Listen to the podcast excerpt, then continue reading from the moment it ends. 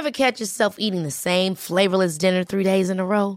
Dreaming of something better? Well, HelloFresh is your guilt-free dream come true, baby. It's me, Gigi Palmer. Let's wake up those taste buds with hot, juicy pecan-crusted chicken or garlic butter shrimp scampi. Mm. Hello Fresh. Stop dreaming of all the delicious possibilities and dig in at HelloFresh.com. Let's get this dinner party started. Quality sleep is essential. That's why the Sleep Number Smart Bed is designed for your ever evolving sleep needs. Need a bed that's firmer or softer on either side? Helps you sleep at a comfortable temperature? Sleep Number Smart Beds let you individualize your comfort so you sleep better together. JD Power ranks Sleep Number number 1 in customer satisfaction with mattresses purchased in-store. And now, save 50% on the Sleep Number limited edition Smart Bed for a limited time. For JD Power 2023 award information, visit jdpower.com/awards. Only at a Sleep Number store or sleepnumber.com. I'm Sandra, and I'm just the professional your small business was looking for. But you didn't hire me because you didn't use LinkedIn Jobs. LinkedIn has professionals you can't find anywhere else, including those who aren't actively looking for a new job but might be open to the perfect role, like me. In a given month, over 70% of LinkedIn users don't visit other leading job sites. So if you're not looking on LinkedIn, you'll miss out on great candidates like Sandra. Start hiring professionals like a professional. Post your free job on linkedin.com/achieve today. Life is full of what ifs. Some awesome, like what if AI could fold your laundry? And some well, less awesome, like what if you have unexpected medical costs? United Healthcare can help get you covered with Health Protector Guard fixed indemnity insurance plans. They supplement your primary plan to help you manage out of pocket costs. No deductibles, no enrollment periods, and especially no more what ifs. Visit uh1.com to find the Health Protector Guard plan for you. I don't need a lot of brains in this business. I mean, I've always said if you got an IQ of 160, give away 30 points to somebody else because you don't need it in investments. What you do need is emotional stability. Wow. Very first tech IPO, and it's a big one. Stock market hit an all-time record high today. A crash is coming now, whether it's six months from now, 12 months, 36 months, no one knows. There's a bear market about every five years. We've gone eight years without one. People have to realize this is the biggest IPO ever. Hej och välkommen till ett nytt avsnitt av Market Makers. Vad märkligt det känns att säga den när man inte spelat in på typ tre veckor eller någonting. Ja, vad har du varit? Jag har varit iväg. Ja, på resa. Jag har varit på resa, blivit strandad, vi har varit av med ett avsnitt. Eller varit av med ett avsnitt, men vi spelade inte in ett av avsnitten. Så det har varit eh, fullt upp. Jag tänkte att jag ska bjuda upp lite lynchningar sen. Oh, vad Ja, trevligt. Vi älskar ju lynchningar i den här podden. så Älskar att det. det. är väl dags att göra Mumma. det. Men jag, faktiskt, jag tror att de är lite bättre, mina lynchningar, än, än snittet. Nej, det tror jag Precis, inte. precis som att alla män i Sverige är lite bättre än snittet på att köra bil enligt dem själva. ja, innan vi kör igång i alla fall så ska vi ju nämna att den 17-18 november så kommer någonting som heter Invest 360 gå av stapeln i, på Nackastrandsmässan i Stockholm. Och det kommer bli spännande. Vi kommer ju vara där och snacka lite. Vi kommer faktiskt öppna upp hela mässan. Ja, och andra som kommer är ju Anna Svan, eh, Stefan Telenius, Mikael Syding och Erik Hansén från IG Markets och många mer. Ja, och det är bara hela lilla bloggosfär-delen där. Sen är det ju massa spännande företag. Det vi har ju, för mig att det är Blackrock och det är Lendify och Tesino och det ena och det andra. Det kommer bli rätt spännande om alternativa och klassiska investeringar. Och det vi hade tänkt göra för er kära lyssnare är att lotta ut två biljetter till fem lyckliga individer som kan haka på till den här underbara mässan. Precis, så fem stycken kommer vinna biljett till sig själv och en kompis. Och det man gör då är att man retweetar avsnittet, eller så delar man avsnittet och så skriver man, tänker vi så här, för vi kommer prata lite om eh, kriser idag, eller krissituationer och svaga marknader och allt vad det är. Och det var ju lite skakigt, det har hänt sjukt mycket nu när jag varit borta. Vi ska, vi ska snacka om makro, Ja. Q3, allt sånt. Men vad har du för tips? Nej men jag har inte, jag har inte ja, ja precis, förlåt. Vad har du för tips eh, inför en stundande recession? Exakt. Så retweeta eller dela avsnittet i sociala medier och skriv då med ditt bästa tips för hur man ska agera i en skakig marknad, en svag ekonomi eller vad det än kan vara. Liksom hur man agerar i en krissituation eller en sämre situation. Och även om du inte vinner så erbjuder vi även rabatt för alla våra lyssnare. Det är en rätt knepig kod som du är intresserad så gå in på marketmakers.se invest360 för att få tillgång till den. Precis. Länken ligger även i avsnittsbeskrivningen. Exakt, och där kommer det finnas en liten länk och en kod. Så trycker man på den så får man, en, får man 10% rabatt på priset. Men du, nu kör vi igång med, med nyheter och lynchningar och allt vad det är för någonting. Wow! Och då tänkte jag så här. Jag har ju varit i Dubai och Vietnam. Coolt. Ja, så tänkte jag så här att eh, jag skulle nämna någonting. Eh, det enda jag har att säga om Dubai egentligen, det är ju ett jättemärkligt land. Eh, där jag tror att de flesta går på medborgarlön och det är ingen som jobbar. Eh, för det är så här, något som är väldigt, väldigt tydligt i bägge de här länderna är ju att lyxvaror är verkligen på frammarsch. Jag vet inte hur många, jag vet att jag, jag skrev en del på Twitter om mina Rolex-lynchningar när man kollade på vilka modeller som fanns inne, vilka personer som hade det. Jag såg att även passkontrollanten hade svindyr klocka. Eh, de verkar älska lyxprodukter och det är någonting som slog mig och det var ju även när man kom till Vietnam. Skillnaden är att i Vietnam så var det ju mesta eh, kopior på de här marknaderna och så. Men man såg även på planen och allting så tar ju alla vietnameser tar ju med sig jättemycket lyxvaror hem. Precis som kineserna också gör. De åker till Europa, åker till USA och så vidare, köper lyxvaror, tar hem dem och det är ett sätt egentligen att eh, få, ja, göra en form av kapitalflykt egentligen, är det det handlar om där. Men generellt är det ju bara så att folk är väldigt intresserade av de här lyxartiklarna. Och då är det lite intressant. Vi pratade till exempel om LVMH när vi hade Magnus Andersson i podden, Louis Vuitton Moët Hennessy. Eh, generellt, jag har tittat lite, framförallt på LVMH, jag tittat på just i hur det gått, gick för dem senaste recessionen vid 2007, 2008, 2009. Eh, och de höll ju faktiskt sin omsättning väldigt, väldigt bra. Sen handlas ju aktien ner för att jag menar multiplarna och allting sjunker ju, men den har hållit, hållit uppe omsättningen väldigt bra. Så det är lite intressant här. Och jag, jag tror framförallt det som kan vara intressant, som många pratar om, är sådana här makrotrender och globala trender. En sån är just det här med de här växande medelklassen i de här liksom, utvecklingsländerna. Och jag tror ett, ett eventuellt ett intressant, en intressant take på att rida den vågen, kanske inte någon ny take i och för sig, men det är just att gå in i den typen av lyxbolag. Har du några fler tips på lyxbolag Fabian? Du har ju till exempel Christian Dior. Dior, mig, det är också en aktie som sitter och svänger de här LVMH-kretsarna. Precis, och det är väl vad har man med? Burberry, man har Mikael Kors och sådär. Det finns en del eh, rätt, rätt intressanta bolag. Så det är en liten lynchning. En annan grej, jag vet att eh, jag pratade lite med vad heter han? Gustavs aktievlogg, som för övrigt, han kommer ju också till Invest 360. Han har investerat i de här Tao Kai Noi. Det är väl någon typ av eh, sjögräschips? Exakt, och det är då någonting som tydligen är väldigt populärt. De testade jag nere i Vietnam, smakade vedervärdigt. eh, men min sambo gillade dem, eller min fru är det nu. Vi Men ska du inte ha dem i typ nudelsoppa och grejer? Ja, jag har ingen aning. Jag åt dem. Jag testade en med chilismak och en med naturell smak. Eh, men hon tyckte faktiskt att de var väldigt goda. Och eh, det är ett lite roligt bolag man kan kolla in om man vill. Men något annat jag tänkte på om man vill rida just på den här vågen av växande medelklass så har jag faktiskt en jättespännande grej som jag såg i båda de här länderna jag var. Och det är ju Toto. Och vet du vad Toto gör för någonting? Nej, berätta. De gör ju bland musik. De har gjort den här Africa. Nej, jag tänkte säga det, var jättetråkig. Nej, jag skojar. Jag tänker på toalettbolaget. Eh, De gör ju toaletter. Det är ju ett japanskt bolag. När det varit Ja, osäkert. gör de lyx, lyxtoaletter? Precis, det är de Så som de gör lyxtoaletterna med, eh, med musik och det är... Också och så andra. här, typ så här precision squirting när de spolar av. liksom. Så de gör sådana. De har även värme, sätesvärme. Väldigt lyxigt. Trevligt, trevligt. Eh, Lite så här äh, kylskåp för kolan och grejer. Precis. Lite dålig i magen. De är faktiskt jätteintressanta och de såg man verkligen överallt. Och det är ju en typisk sån grej. Man kommer från en ekonomi där det faktiskt har varit ganska låga hygienkrav och låg sanitet och sådär.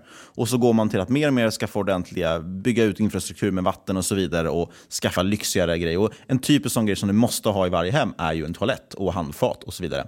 Man ser det även om man går till hotell, man går i gallerier och så vidare, så har de ju sådana pissoarer, sådana handfat och så vidare. Det är lite intressant case tror jag. Jag tittade på den lite snabbt, det såg ju lite dyrt ut. Jag tittade bara på multiplarna sig, jag inte liksom gjort någon analys av den. Eh, så det är kanske lite dyrt ut, men intressant ändå bolag, tänker jag. Absolut. Eh, sista jag ska nämna, och det här var något som var lite kul, för det här skrev Alexander Eliasson om på Twitter. Eh, han emerging markets-experten, eh, som är duktig. Vi försöker ju hålla på att ragga honom till podden, det går ju sådär med det. Men han är jäkligt intressant, skriver mycket roliga case, så följ honom. Han skrev i alla fall om något som heter Thaibev, alltså ja, Thailand Beverages står väl det för antagligen. Ja, de har en jäkla massa bira Precis, och de, bland annat Chang som många känner till, den här thailändska ölen. De har även Saigon som är en vietnamesisk öl, eh, som jag drack då i Vietnam. Och det var lite roligt för att eh, jag, samma dag som jag tänkte undra vilka som gör den här ölen och började googla på det så har han skrivit på Twitter om Thaibev. Och där är ju de då som har gjort den. Jättestora i Thailand Vietnam, äger även lite mat och annat. De har ju bland annat köpt upp nyligen eh, rätten till KFC i Thailand. Oj, oj, oj. Ja, så det kan vara just det här man ska köpa defensiva bolag och så vidare.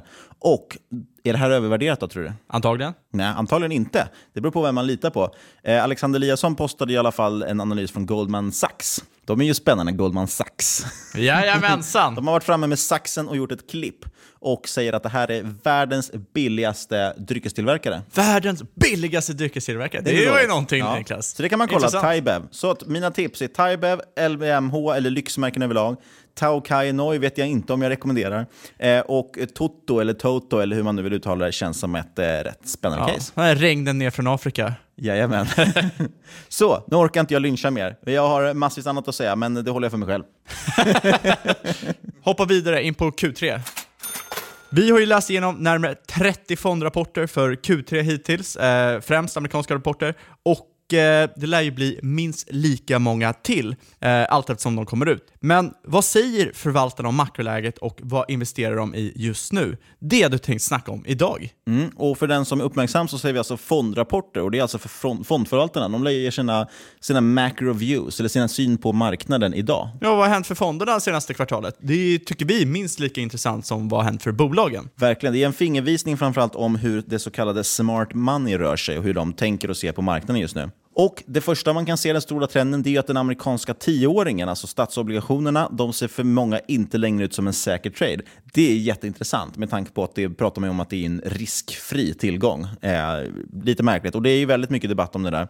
Och Fed-chefen Powell han säger att vi är långt ifrån ett neutralt ränteläge. Den amerikanska ekonomin växer med 4% löneinflationen har dragit igång rejält och arbetslöshetssiffror ligger på 50 års lägsta. Och Det här ger faktiskt ökande oro i räntor. Helt enkelt för att när arbetslöshetssiffrorna är låga, ja, då kommer man behöva öka lönerna för att få in fler på arbetsmarknaden. Det drar igång löneinflationen ytterligare. Och räntan, man har ju en real ränta och en nominell ränta. Den reala räntan är ju den nominella minus inflationen. Drar inflationen igång, då måste du höja räntan helt enkelt för att kompensera för det. Och då kommer det bli väldigt dyrt. Jag hörde senaste dag, jag lyssnar ju igen nu på jättemycket poddar som jag har missat. Jag hörde senaste dag en som pratade om, rätt intressant, att USA har dragit på sig så pass mycket skulder så att den amerikanska skatten som betalas in från löne, lönetagare, den räcker inte ens till att betala just räntekostnaderna plus eh, entitlements, alltså det är ju pensioner och sådana saker. Skulle räntorna sticka ytterligare så betyder det att amerikanska staten kommer inte tillräckligt med skattepengar ens för att betala sina räntor. Och då blir amerikanska staten ett så kallat zombieföretag, alltså en zombieregering som bara existerar för att upprätthålla sina och betala sina skulder. Jag vet inte, det, är,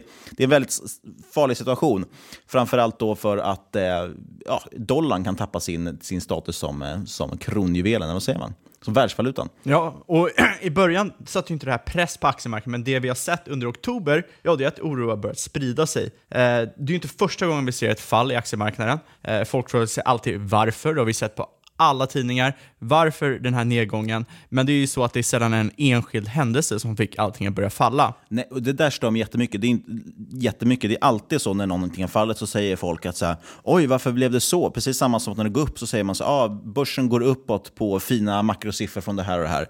Nej, det är inte därför den går upp. Det är inte så att alla helt plötsligt bara vaknar upp och inser att ah, okej, nu har räntorna stigit tydligt, då måste vi göra om allting och så sänker vi börsen på en dag. Utan det är ju så att vi har ju haft extremt låg volatilitet de senaste tio åren tack vare just hög stimulans från centralbanker. Det kanske är så att vi börjar gå tillbaka till mer normalt läge där vi faktiskt har lite volla i marknaden igen. Visst är det här Niklas? Tredje kvartalet 2018, det är faktiskt historiskt på grund av avsaknaden av enprocentig eller mer rörelser på börsen. Det betyder alltså att den avsaknaden av den enprocentiga vollan gör Q3 2018 till det näst lugnaste kvartalet i historien efter Q3 1963. Det kan man ju inte tro om man följde finanstwitter förra veckan när folk tappade sin skit, som det heter. eh, ja, det är i alla fall.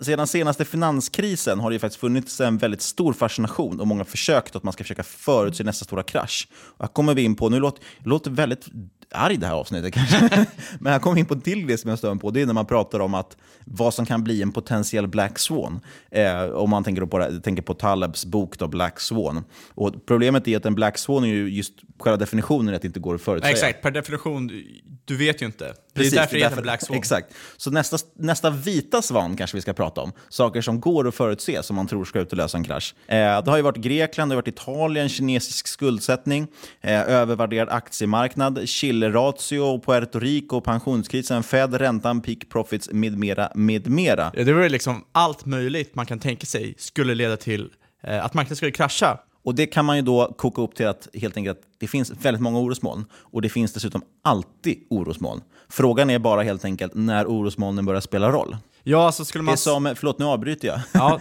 alltid. Det är som senaste, eh, John Hassmans senaste marknadsbrev som var väldigt bra, eller marknadskommentar igen av de här fond, fondbreven. Eh, tyckte jag var väldigt intressant just för att han, han nämnde typ ett exempel på det som han pratade om förut. Han, han är ju väldigt så, tittar ju väldigt mycket på värderingar och pratar alltid om börsen ska ner typ 50 procent liksom, och har skrikit varje väldigt många år nu. Eh, oaktat det fall så är, har ju han rätt i sin poäng att ja, värderingarna det är helt övervärderat och värderingar kommer spela roll igen. Frågan är bara när det kommer göra det. Och tyvärr brukar det vara så att när det väl börjar spela roll igen, då går det ganska fort. Ja, alltså kollar man, hoppar man tillbaka tio år eh, till finanskrisen säger att ja, men fram till 2018, 2019, 2020, whatever, så kommer ni ha den längsta ekonomiska expansionen i historien, i alla fall om man kollar på amerikanska marknaden. Så hade ju de flesta trott, ah, okej, okay, men då kommer ert största problem vara inflationen. Men nu har man ju i USA en kärninflation på strax under 2%, Eh, så vi kan ju faktiskt inte peka på hur lång expansionen kan vara, hur låg arbetslösheten ska gå, eh, hur långt den här tjuvmarknaden kan rusa, liksom hur, all, hur, liksom hur länge allting annat kan pågå. Nej, och som vanligt vet vi inte vad som kommer orsaka en nedgång eller när det händer. Det kan ju vara att det kommer in dåliga rapporter, det kan vara att räntorna ökar tillräckligt mycket för att det ska vara liksom konkurrenskraftigt mot aktier. Kommer, kommer ju folk ihåg säkert från förra året, pratade man om TINA, there is no alternative, för man sa att ja, man har så lite, lite avkastning om man köper räntepapper så att man måste köpa aktier för att få direktavkastning. Så är det inte längre. Direktavkastningen på amerikanska tvååringen är högre än vad den är på S&P 500 just nu, så det är bättre att köpa räntor om man bara vill ha en fast avkastning. Eh, och som sagt, och så finns det tusen andra grejer, till exempel kinesiska skuldsättningen pratas det jättemycket om. Aktier är inte billiga. Du kan inte på något mått egentligen säga att de är billiga. Det vågar jag gå ut och, och sticka ut huvudet och säga. Du kan ju säga det, men vi tycker inte att det är rättfärdigat. men aktier tenderar ju faktiskt att vara dyra i goda tider och vi har ju en urstark ekonomi. Frågan är bara när den ska vända. Frågan är bara när folk helt plötsligt inte väljer att prisa in så mycket i de här aktierna. Ja, eh, mycket pekar ju på att lågkonjan är på väg. Du har ju till exempel anrika Sears det är inte så många som kan ha missat de har konkat eh, tack vare en alldeles för höga skulder. Du har kinesiska smartphone-försäljning som har börjat avta och eh, framförallt så verkar vi börja få en hel del vinstvarningar och sänkta prognoser för framtiden. Ska jag rabbla några vinstvarningar och sänkta prognoser? Eh, några stycken kanske. Jag bara drog här lite snabbt för att få en, en, en, liten lista till den här podden. Så gick jag in och så kikade jag bara snabbt ett nyhetsflöde fram eh, tillbaka till juni i år. Så från halvårsskiftet så att säga. Eh, så kollade jag alla bolag som har sänkt sina prognoser kraftigt eller vinstvarnat. Och då hade vi senast i morse, när det här spelas in, tisdagen den 16 oktober, så vinstvarnade NCC, Svenska Byggbolaget. Sen, håll i dig nu Fabian, så har vi Getinge, vi har tyska konkurrenten till dem Drägerverk, vi har Procter Gamble, den här klassiska dividend aristocraten. Oj, oj, oj, vi har Superdrive, vi har Zalando, Tom Taylor, Pandora, Debenhams, Atria, Pepsi, Philip Morris, Best Buy, L-Brands, JC Penny, British Tobacco Company och Walmart. Det var min lilla retail-del. Och de skyller på varmt väder, de skyller på e-handel och så vidare. Sen är bank, då har vi isländska banken Arion Bank, vi har CMC Markets, vi har Danske Bank nu med hela deras härva. Inom industrin, GE, Husqvarna, tyska stålindustribolaget ThyssenKrupp, Daimler, Fingerprint, BMW, Nilfisk, Ahlström, Munksjö, Saab Holland, Alcoa, Fiat Chrysler, GM. Och det gladde mig att Porsche vinstvarnade idag också. Det gjorde mig glad, för de har jag tjafsat med någon om på Twitter, att det kommer gå åt helvete för dem. Sen har vi Ryanair, vi har Maersk, vi har Delta Airlines, vi har DS Norden. Dessutom, det här var bara hand, en handfull som jag fick, hittade bara snabbt i nyhetsflödet. Dessutom har ju bland svenska regeringen, vi har Konjunkturinstitutet, vi har tyska Bundesbank, S&P och många fler börjat sänka sina BNP-prognoser. Svenska konjunkturinstitutet går till och med så långt att prognostisera att den svenska ekonomin toppar i år för att sedan börja bromsa in tillväxten. Och så har jag läst, men det här har jag dock bara läst på Flashback, och det är att Svenska konjunkturinstitutet, innan de gick ut med det här så började de korta terminen. Men det har jag inga säkra källor för. Och ska jag bara koka ner, sammanfatta det jag menar, att det finns mycket som känns lite läskigt. ja, och när börsen är skakig, då hoppas ju alla att Q3-rapporterna ska rädda börsen. Där har man jättemånga när man säger det, att när det är svårt att vara skakig i börsen säger folk att ah, men det här kommer inte oroa sig, det kommer räddas nu av Q3, de kommer komma in så himla bra. Vi har ju en urstark ekonomi. Givetvis är ju alltid ekonomin urstark på toppen. Det är lite för många, tror jag, som väntar på bra Q3. Det, nu ser vi dessutom att folk sänker sina prognoser, de vinstvarnar. Och det ska dessutom tilläggas att Q3 i alla fall i USA, de gynnas jättemycket för att förra året så hade vi inte den här skattesänkningen på um, eh, amerikanska företags vad säger man, vinstskatten. Och det kommer påverka så att man har ganska lätta liksom, comparables från förra året. Så antagligen kommer snarare Q3 vara tillfälligt. Många sitter nu som hamnar lite snett i veckan, sitter och väntar på Q3 ska komma in så de ska kunna sälja av när det stiger på rapport. Och istället får man en vinstvarning. så jag vet det, det är lite, det är lite tråkiga tider. Jag tror inte man ska sitta och liksom vänta om man nu ja, om det, det, det, behöver inte alltid bli så bra som man tror.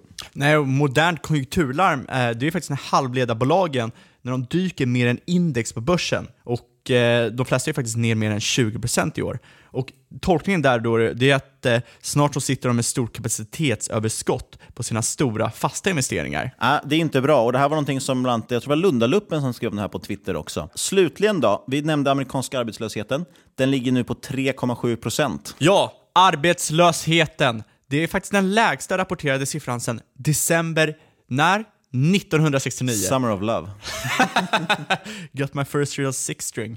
Och, eh, det var i samma månad som recessionen började faktiskt. Och alla säger som sagt att ekonomin är så himla stark just nu. Och återigen, det är så, den är alltid det på toppen. Vi får ju tänka på att en recession, det betyder inte världens undergång. Jag tror faktiskt att det är många, kanske speciellt de som Have catch yourself eating the same flavorless dinner three days in a row? Dreaming of something better? Well, HelloFresh is your guilt-free dream come true, baby. It's me, Gigi Palmer. Let's wake up those taste buds with hot, juicy pecan crusted chicken or garlic butter shrimp scampi. Mm. Hello Fresh. Stop dreaming of all the delicious possibilities and dig in at HelloFresh.com. Let's get this dinner party started. Many of us have those stubborn pounds that seem impossible to lose, no matter how good we eat or how hard we work out. My solution is PlushCare. PlushCare is a leading telehealth provider with doctors who are there for you day and night to partner with you in your weight loss journey. They can prescribe FDA-approved weight loss medications like Wagovi and Zepbound for those who qualify. Plus, they accept most insurance plans. To get started, visit plushcare.com slash weight loss. That's plushcare.com slash weight loss. Hey, Dave. Yeah, Randy. Since we founded Bombus, we've always said our socks, underwear, and T-shirts are super soft. Any new ideas? Maybe sublimely soft. Or disgustingly cozy. Wait, what? I got it. Bombus. Absurdly comfortable essentials for yourself and for those facing homelessness. Because one purchased equals one donated. Wow, did we just write an ad? Yes. Bombas. Big comfort for everyone. Go to bombas.com slash ACAST and use code ACAST for 20% off your first purchase. Hey, it's Ryan Reynolds, and I'm here with Keith, co star of my upcoming film, If, only in theaters, May 17th. Do you want to tell people the big news? All right, I'll do. Sign up now and you'll get unlimited for $15 a month in six months of Paramount Plus Essential Plan on us. Mintmobile.com slash switch. Upfront payment of $45 equivalent to $15 per month. Unlimited over 40 gigabytes per month. Face lower speeds. Videos at 480p. Active Mint customers by 531.24 get six months of Paramount Plus Essential Plan. Auto renews after six months. Offer ends May 31st, 2024. Separate Paramount Plus registration required. Terms and conditions apply if rated PG. Quality sleep is essential. That's why the Sleep Number Smart Bed is designed for your ever-evolving sleep needs. Need a bed that's firmer or softer on either side? Helps you sleep at a comfortable temperature? Sleep Number Smart Beds let you individualize your comfort so you sleep better together. JD Power ranks Sleep Number number 1 in customer satisfaction with mattresses purchased in-store. And now, save 50% on the Sleep Number limited edition Smart Bed for a limited time. For JD Power 2023 award information, visit jdpower.com/awards. Only at a Sleep Number store or sleepnumber.com. Det nya som inte riktigt vet vad recession betyder för någonting och det låter ju väldigt läskigt. Eh, men det det innebär egentligen att tillväxten stannar av. Vi nämnde ju Carl Mikael Syding och Anna Svan. De brukar ju i sin podd prata bland annat om andra derivatan. Och det är så här, inom matematiken då, en derivata det är ju förändringstakten. Så att om BNP växer med 4% då är ju derivatan, det är ju derivatan helt enkelt, den växer med 4%. Men det som är intressant är ju hur den här tillväxtsiffran förändras. Som Tillväxten först, BNP-tillväxten är 4% i ett kvartal, eller ett år. Nästa år så är den 2%. Ja, då har du ju fortfarande en tillväxt. Men den andra derivaten i förändringen det gick ju från 4% till 2%. Det betyder att tillväxten avtar. Man har alltså sämre tillväxtsiffror helt enkelt. Man, det vänder åt fel håll. Det är andra derivaten. Och det är den man tittar på. Och, så det, det betyder att även nästa år, det kanske är så att vi har positiv BNP-tillväxt. Men om den förändringstakten är negativ, vilket den måste bli när saker toppar ut och blir liksom superbra. Vi kan inte ha oändligt låg arbetslöshet. Och det är det som egentligen då ger signal om att man har en recession. Det är det det kallas för, att man, tillväxten blir lägre. Och det är ju ett, faktiskt ett, egentligen ett kanske bra scenario till och med. Jag ser hellre att vi får lite pyspunka och avmattning i ekonomin så att vi liksom kan hämta igen oss lite, eh, än en depression, vilket är ett mycket mer negativt scenario. Det är det man pratar om på 30-talet, då hade vi faktiskt en depression. Eh, tyvärr dock ser ju kanske inte förutsättningarna så bra ut för det heller. För att, till exempel har vi Ray Dalio, legenden, som vi gjorde ett sommaravsnitt om. Han eh, säger ju att vi är i slutet nu av en lång kreditcykel och att det skulle då kunna innebära att vi har en depression runt knuten. Ja, och tecken på detta det är ju räntan. Där vi bland annat ser en inverterad räntekurva. Och det är en typisk recessionssignal. Och en inverterad kurva det betyder att du får en högre avkastning eller yield på en kort obligation än en lång obligation, fastän det egentligen borde vara tvärtom. Och anledningen till det är för att du vill ju ha en högre avkastning på att låsa in dina pengar en längre tid. För det innebär ju en större risk helt enkelt. Det där känner ju folk igen antagligen som har ett bolån. Om man kollar på bolåneräntorna så vet man att om man vill binda räntan på 10 år så kommer man få en, en högre ränta än om man binder den på kort tid helt enkelt. För att man tar ju, de tar ju större risk då helt enkelt. Angående räntan, för övrigt, amerikanska statsobligationers ränta i alla fall, så är det väldigt intressant att notera att Kina har ju varit en stor köpare av amerikanska statsobligationer förut. Och det har ju varit också en del, förutom att amerikanska Fed såklart köper sina egna räntor, precis som, eller statsobligationer, precis som att vi i Sverige har Riksbanken som köper sina egna räntepapper och ECB och så vidare. Eh, så har ju faktiskt Kina också varit med och köpt amerikanska statspapper. Nu tycks de istället vara nettosäljare när man tittar på statistiken. Och Det gör ju då att man ytterligare trycker upp räntorna när man säljer av det här. Och Eventuellt kanske det är så att det är ett sätt att slå tillbaka handelskriget. Ganska intressant faktiskt överlag, men jag tror inte vi ska gå iväg på den tangenten. Eh, men just med att man kan använda det som ett, ett verktyg just när USA och Kina då krigar lite grann och sen så om man då får upp lite information i USA och Kina mattas av, då kan man börja sälja de här statsobligationerna för att pressa upp räntorna ytterligare i USA och ge dem ett jäkligt dåligt läge helt enkelt, där det blir dyrt för staten att, att leva. Ja, och... Liten tangent. Liten kanske. Ja. Kanske blir mer om det i nästa avsnitt. Eller inte. Eller kanske. Vi får se. Eh, låga räntor har i alla fall drivit på återköp av aktier och det är något vi har pratat om väldigt mycket i den här podden. Och med höjda räntor så borde ju den här återköpsfesten, ja den borde väl stanna av lite. Det gör ju att köptrycket på amerikanska aktier minskar och det är ju självklart negativt, om man inte ligger kort. Eh, vi har redan slagit föregående rekord för återköp med råge. Över 800 miljarder dollar med aktier har köpts. Och senaste rekordet var 2007. Och eh, ja, vet vi vad som hände då? Jag vet inte Niklas. Jo, vi vet precis vad som hände efter det. Något annat extremt intressant är hur återköp har styrt börsen senaste decenniet. Enligt Federal Economic Research Institute och Investment Company Institute så strömmade 1,7 trillion dollars netto netto in i amerikanska aktiemarknaden mellan Det är 1,7 biljoner dollar. Precis, det har varit många siffror där, men det är en sanslös massa pengar kan man också summera det som. Det här var i alla fall mellan 93 och 06. Men sen, mellan 2007 och 2017, så har det faktiskt varit ett nettoutflöde på 253 miljarder dollar. Trots den här grova uppgången på amerikanska aktiemarknaden. Vi ser alltså ett utflöde därifrån. Ja, det här innebär alltså att den amerikanska marknaden, som varit den tillgång som gått absolut bäst senaste året, den har inte sett något nettoinflöde, trots vad många kan tro. Pengarna har istället letat sig in i tillgången med avkastning nära nollan. Och eh, då kan man ju ställa sig frågan, hur har den amerikanska börsen då i stort sett gått spikrakt uppåt? Jo, det är på grund av de här enorma återköpen. Det ligger just nu på cirka en biljon dollar om året. Och för att runda av hela den här eh, superpeppiga börssynen så ska vi dessutom också nämna att nu har vi hela den här skandalen med Saudiarabien som håller på att storma upp, vilket kan driva upp de redan ganska höga oljepriserna, något som också såklart verkar väldigt negativt för ekonomin. Eh, vi pratar ju det här med vinstvarningar och vi har redan haft väldigt många företag som har problem just med stigande råvarupriser. Det är flera som har guidat ner sina prognoser. Jag glömde nämna Essity, jag får mig att de också guidade ner eh, just på grund av höga råvarupriser. Och stiger oljan som sagt så gör inte det saken bättre för ekonomin. Men nu är det intressanta då, hur fasen placerar de här proffsen? Vi har pratat om de här fondkommentarerna, men sen har vi bara suttit och bäsat här jättelänge. Likviderar allt. Nej. Så, det var veckans avsnitt.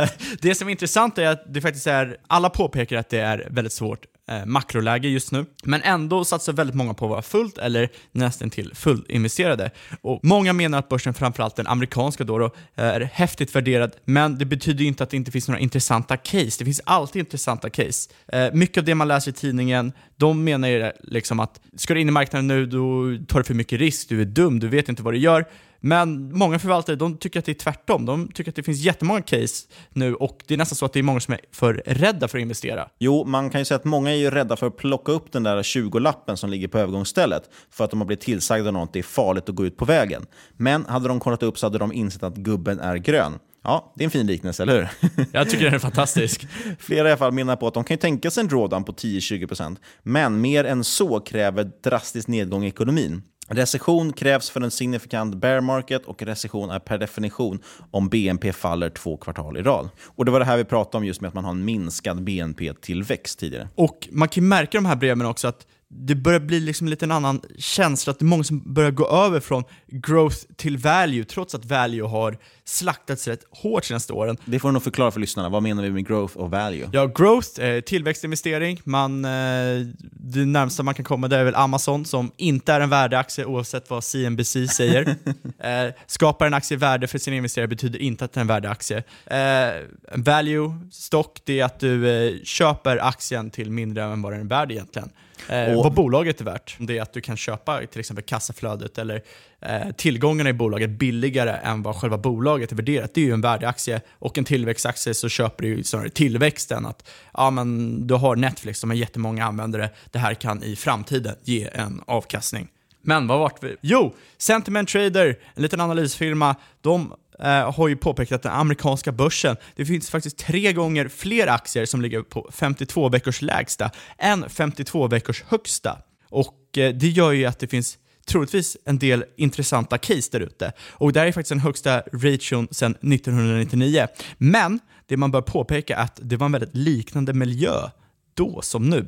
Fed höjde räntor och value-aktier åsidosattes för tillväxtaktier med stört höga värderingar. Det var ju det som ledde oss in i dotcom-bubblan. Ja, och man kan ju faktiskt argumentera för att flera av de här älskade aktierna som Amazon och Uber, jag såg senast idag att Uber värderat till eh, 100, 1000 miljarder dollar privat. Men de är prisat så jäkla högt att eh, inom ett decennium, eller om ett decennium, för att de ska kunna ge en bra avkastning, en duglig avkastning, så måste de ju överta hela BNP. Så du menar alltså att Uber måste stå för hela USAs BNP för att vara en värdeaktie? Ja, eller Amazon, eller jag vet inte om de är tillsammans, men de måste... Ja. ja. Nej, det, är ganska, det, är sagt, det är väldigt häftigt värderat och det handlar lite om det här med att man har haft låga räntor och man har haft då låga avkastningskrav och sådär, så att man, man har kunnat liksom diskontera på ett annat sätt och, och ge, sätta väldigt högt pris på de aktierna. Och sen sagt så har det varit spännande bolag. Vi har ju pratat om dem mycket också. Vi ska inte säga att vi har varit emot de här bolagen på något sätt. Eh, men i alla fall, man ser det på förvaltarnas innehav. Många har börjat trimma ner sina FANG-placeringar till exempel, kanske till och med rent av gå kort en del. Eh, bland annat Sequoia och Greenlight, två kända placerare, har, säljer av i Apple och Amazon. Det är också väldigt många fonder som ger kort Tesla. Tesla är väl, vill jag minnas, att det är den mest blankade aktien på amerikanska börsen just nu. Ja, så att även om man känner sig lite contrarian om man ligger kort Tesla, så det är nästan som en FANG-placering var för eh, många år sedan, så det är så många som ligger kort det. Exakt. Och det enda stora techbolaget som verkar ökas eller plockas in i portföljen, det är faktiskt Facebook. Där var du tidigt ute Fabian, redan när det sänktes rejält och sa att det här, nu ska man köpa det. Det behöver dock inte betyda såklart att Facebook står inför ett stort rally. Vi får väl se. Inför Q2 i alla fall, alltså förra rapporterna vi gick igenom, då var det ju JD.com som var den mest köpta aktien. Eh, den har tyvärr bara fortsatt, fortsatt falla. Vi har pratat om den i podden också. Eh, och Det är framförallt för att det varit en stor sell-off just framförallt i kinesiska ja, bolag. Så bara för att och det... vd vart ju dessutom anklagad för våldtäkt, Ass. vilket inte är så himla bra. Nej, det är liksom mardröm som aktieägare. Eh, så bara för att många investerare går in och köper Facebook betyder inte att det kommer whoosh, gå upp i skyn. Nej, men om JD.com fortsätter falla och man är värdeinvesterare, då har man ju bara fått det billigare. Ja, det är sant. så funkar det ju. Sen ser vi även att Pershing Square, ledd av Bill Ackman som vi snackat om flera gånger i podden, de har bland annat gått in och börjat köpa Starbucks. Och det här går väl liksom lite in i vad vi menar att man ska handla, försöka handla värde. Inte bara stora stabila bolag, utan du vill hitta någonting som Starbucks, det har fallit eh, 6% senaste tre år, men haft en vinsttillväxt på cirka 50%. Du har ett P på 22 jämfört med P på 26 historiskt, så ligger under sin historiska eh, värdering. Bolaget har ju också gjort starkt inmarsch i Kina som är intressant. De har planer på aktieköp de kommande två åren. På 20% av totala market capet, så de kommer köpa tillbaka sjukt mycket aktier. Precis. Och Samtidigt så ligger också senaste årens uppköp av kaffekedjor i snitt 20% högre värderade än vad Starbucks är nu. Så det kan vara ett intressant case. Generellt så har man ju sett den rotationen. Den har ju börjat tidigare än så här. Vi har ju pratat om den i podden också vill jag minnas. Rotationen just från tillväxt till mer defensiva bolag som man pratar om. Bortser man då från aktier så verkar många ha vänt ögonen mot Kina, råvaror. Flera har gått kort yuan, eller riminbin som den kallas, på grund av att den ansedd vara övervärderad mot dollarn. Och Det här då skulle vara på grund av skillnader bland i räntan mellan USA och Kina. Det kan vara en möjlig nedskärning RRR, det vill säga Reserve Requirement Ratio för yuanen. eh, samt riskviljan att investera i Kina generellt just nu med, eh, jämfört med USA på grund av de här eh, stora skulderna som finns i Kina. Och Tanken är också att Kina då skulle behöva devalvera sin valuta för att rädda sitt banksystem och sin ekonomi. Och Då skulle man få väldigt mycket uppsida om man då ligger kort det valutaparet. Ja, och eh, utöver det så anses ju av väldigt många, vi är ju inte de första på det här spåret, att råvaror är deep value trade jämfört med fiat. Och eh, ja, Då sagt, menar vi inte Fiat Chrysler som vinstvarnade här, utan vä- vänta, vänta, Fiat-valuta. Jaha, fan, vänta. Ja, nej men exakt. Och eh, förutom det så är även miners, eh, alltså gruvbolag, eh, Eh, även rekordlågt värderade jämfört med underliggande fundamenta. Och katalysatorn där, ja det ligger i ökad inflation och lamslagna centralbanker. Och bara för att göra det svårare, det här är inte ett enkelt jobb att investera, så är det ju samtidigt så att man kanske ska akta sig för exempel koppar som är en väldigt tydlig sån konjunkturindikator. Den har ju fallit rejält. Eh, så det finns alltid sådär lite undantag. Men generellt så ser råvaror väldigt billiga ut. Speciellt om man jämför, då, det finns ju den här klassiska grafen man delar det på S&P 500 och ser hur det står mot aktiemarknaden. Eh, Inflationspressen i alla fall, den kan ju ses på det som kallas M2, Money Velocity. Eh, något som ofta brukar förbises. Money Velocity, det är alltså hastigheten på pengar, alltså hur snabbt de byter händer. Och Med det menar man då att om jag, eh, går i, om jag sitter på mina pengar, jag har pengarna på banken, då har de ju ingen hastighet överhuvudtaget. De har ingen velocity och flyttas inte. Medan om jag går ner till fiket, köper en kaffe för en dollar och han som då tog emot min dollar, han går iväg och så köper han något annat för en dollar, då har den ju rörts tre gånger. Alltså är den dollarn värd då tre dollar egentligen. Det är liksom, man mäter hastigheten, hur ofta byter det runt, för det skapar ju helt enkelt mervärde, både i form av skatter men också ekonomisk tillväxt. M1, vi pratade ju om, vi sa att M2 mannen med oss, det här blir ett svårt avsnitt att hänga med. Alltså det blir mycket, Det är mycket, mycket tunga nu. grejer på en gång. Men vi sa ju M2, men det finns också något som heter M1.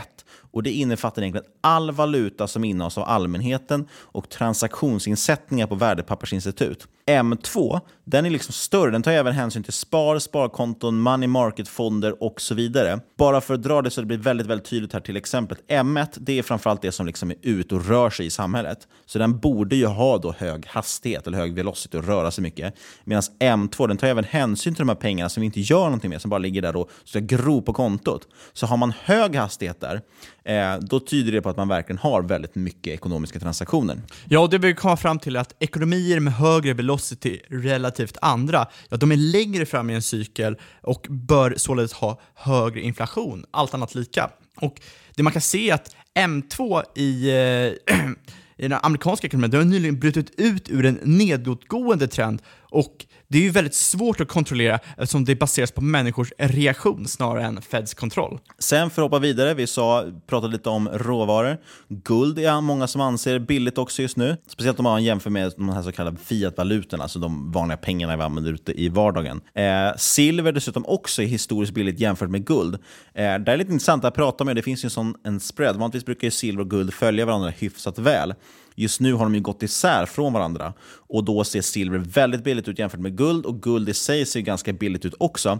Men där är frågan, ska guld möta silver på väg ner eller ska silver möta guldet på väg upp? Det vet vi inte. Ädelmetaller brukar ju nämnas som den, liksom, den ultimata hedgen mot inflation enligt många. Och Det man ska se det som det är att guld avkastar ingenting, så är räntorna höga, i alla fall den reella räntan, ja då får man ju rätt mycket pengar där, då vill man hellre ha det. Medan har du låga reella räntor så vill du hellre ha guld för att skydda dig mot inflationen. Ja, och vi vill inte avsluta det här utan att Niklas sa ju det, man kanske ska akta sig för koppar och jag vill inte liksom lämna det här orört. Eh, eftersom vi både tagit upp råvaror och Kina. För att det är ju så att koppar har ju sett ökade gruvkostnader, miningkostnader och det innebär ju att det nuvarande kopparpriset, ja det kostar ju nästan mer att eh, gräva ut det än vad man får i avkastning av att ha grävt ut det och sen sälja det. Och eh, det som är intressant här är att tidigare har ju cirka 50% av all koppar gått till Kina, men under 2018, ja då minskade ju det här eh, kopparexporten till Kina med cirka 27%, nästan 30% av allt det här är borta. Och en stor anledning är trade wars. Ja, handelskriget är i alla fall det som tidningarna säger och det kan mycket väl vara en del, men man ska också ifrågasätta om det är så att det kan vara Kinas ekonomi också som håller på att bromsa in just. Oavsett vilket, i alla fall, det här hänger ihop med det vi pratade om förut, att hela världen egentligen är beroende av Kinas tillväxt väldigt mycket idag. Och en av anledningarna till att vi kanske inte haft så hög inflation i västvärlden är för att vi har fått billigare och billigare varor från Kina som har pressat ner priserna. Ja, och koppar prissätts ju som Niklas sa helt på supply and demand. Om det kostar mer att gräva fram koppar eller tillverkar koppar än man får att sälja så kommer det leda till flertalet konkurser. Färre kommer gräva fram det och sälja det och det kommer pressa upp priserna till, eh, till slut. Det är och, precis samma grej som vi pratat om i uran, tror jag jag hade som exempel. Exakt, jag det här. tror, det känns som vi har sagt det här flera gånger tidigare. Ja, Men det ju är, bra om vi har man- nya lyssnare. Precis, man Eh, lägger ju ner gruvor när man inte tjänar några pengar på att ha gruvorna. Och då, är plötsligt, då blir utbudet jättelågt och efterfrågan är ju oförändrad. Men då pressas ju priserna upp för det inte finns någonting. Och då måste man dra igång gruvorna igen. Och det är väldigt långa cykler som blir då med råvaror. Då är den stora frågan, är den här minskande Kina-exporten kortlivad och kommer gå över? Eller beror det här på en stagnerande kinesisk ekonomi? Det får vi reda på nästa vecka. Vilken cliffhanger vi lämnades vid. Superkul att vara igång igen. Jag känner att det var väldigt mycket som måste komma ut. Framförallt har jag suttit och varit arg på folk eh, som inte fattar att ekonomin inte alltid behöver vara urstark.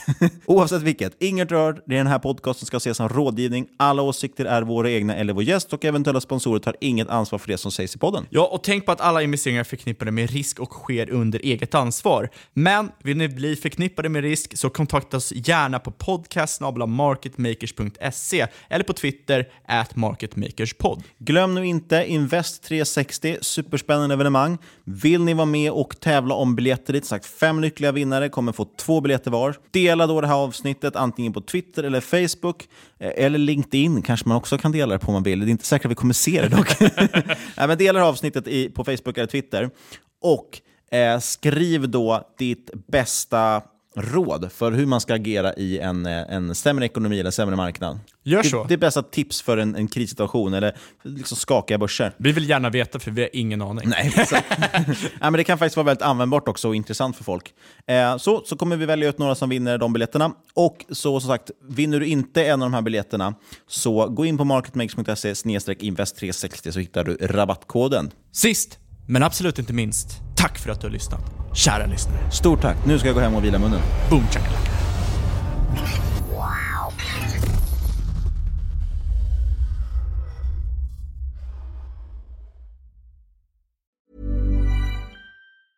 Ever catch yourself eating the same flavorless dinner three days in a row? Dreaming of something better? Well, HelloFresh is your guilt-free dream come true, baby. It's me, Kiki Palmer. Let's wake up those taste buds with hot, juicy pecan-crusted chicken or garlic butter shrimp scampi. Mm. Hello Fresh. Stop dreaming of all the delicious possibilities and dig in at HelloFresh.com. Let's get this dinner party started.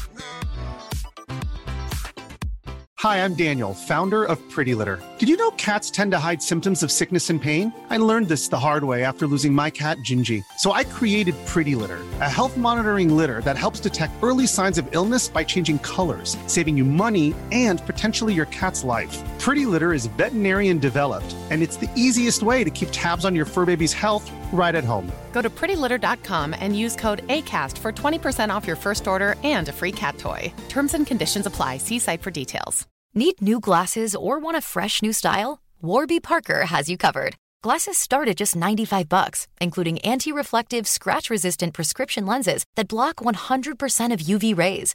Every frame's designed in-house with a huge selection of styles for every face shape. And with Warby Parker's free home try-on program, you can order 5 pairs to try at home for free. Shipping is free both ways too. Go to warbyparker.com slash covered to try 5 pairs of frames at home for free. warbyparker.com slash covered. ACAST powers the world's best podcasts. Here's a show that we recommend. I'm Ina Garten. Welcome to Be My Guest, the podcast. One of the best gifts you can give friends is spending time together. But what's even better than that? Cooking with them. On Be My Guest, the podcast, new friends and old stop by my barn for some conversation and great cooking. We talk about food, life, and everything in between. Listen to Be My Guest, the podcast with me, Ina Garten, and join us wherever you get your podcasts.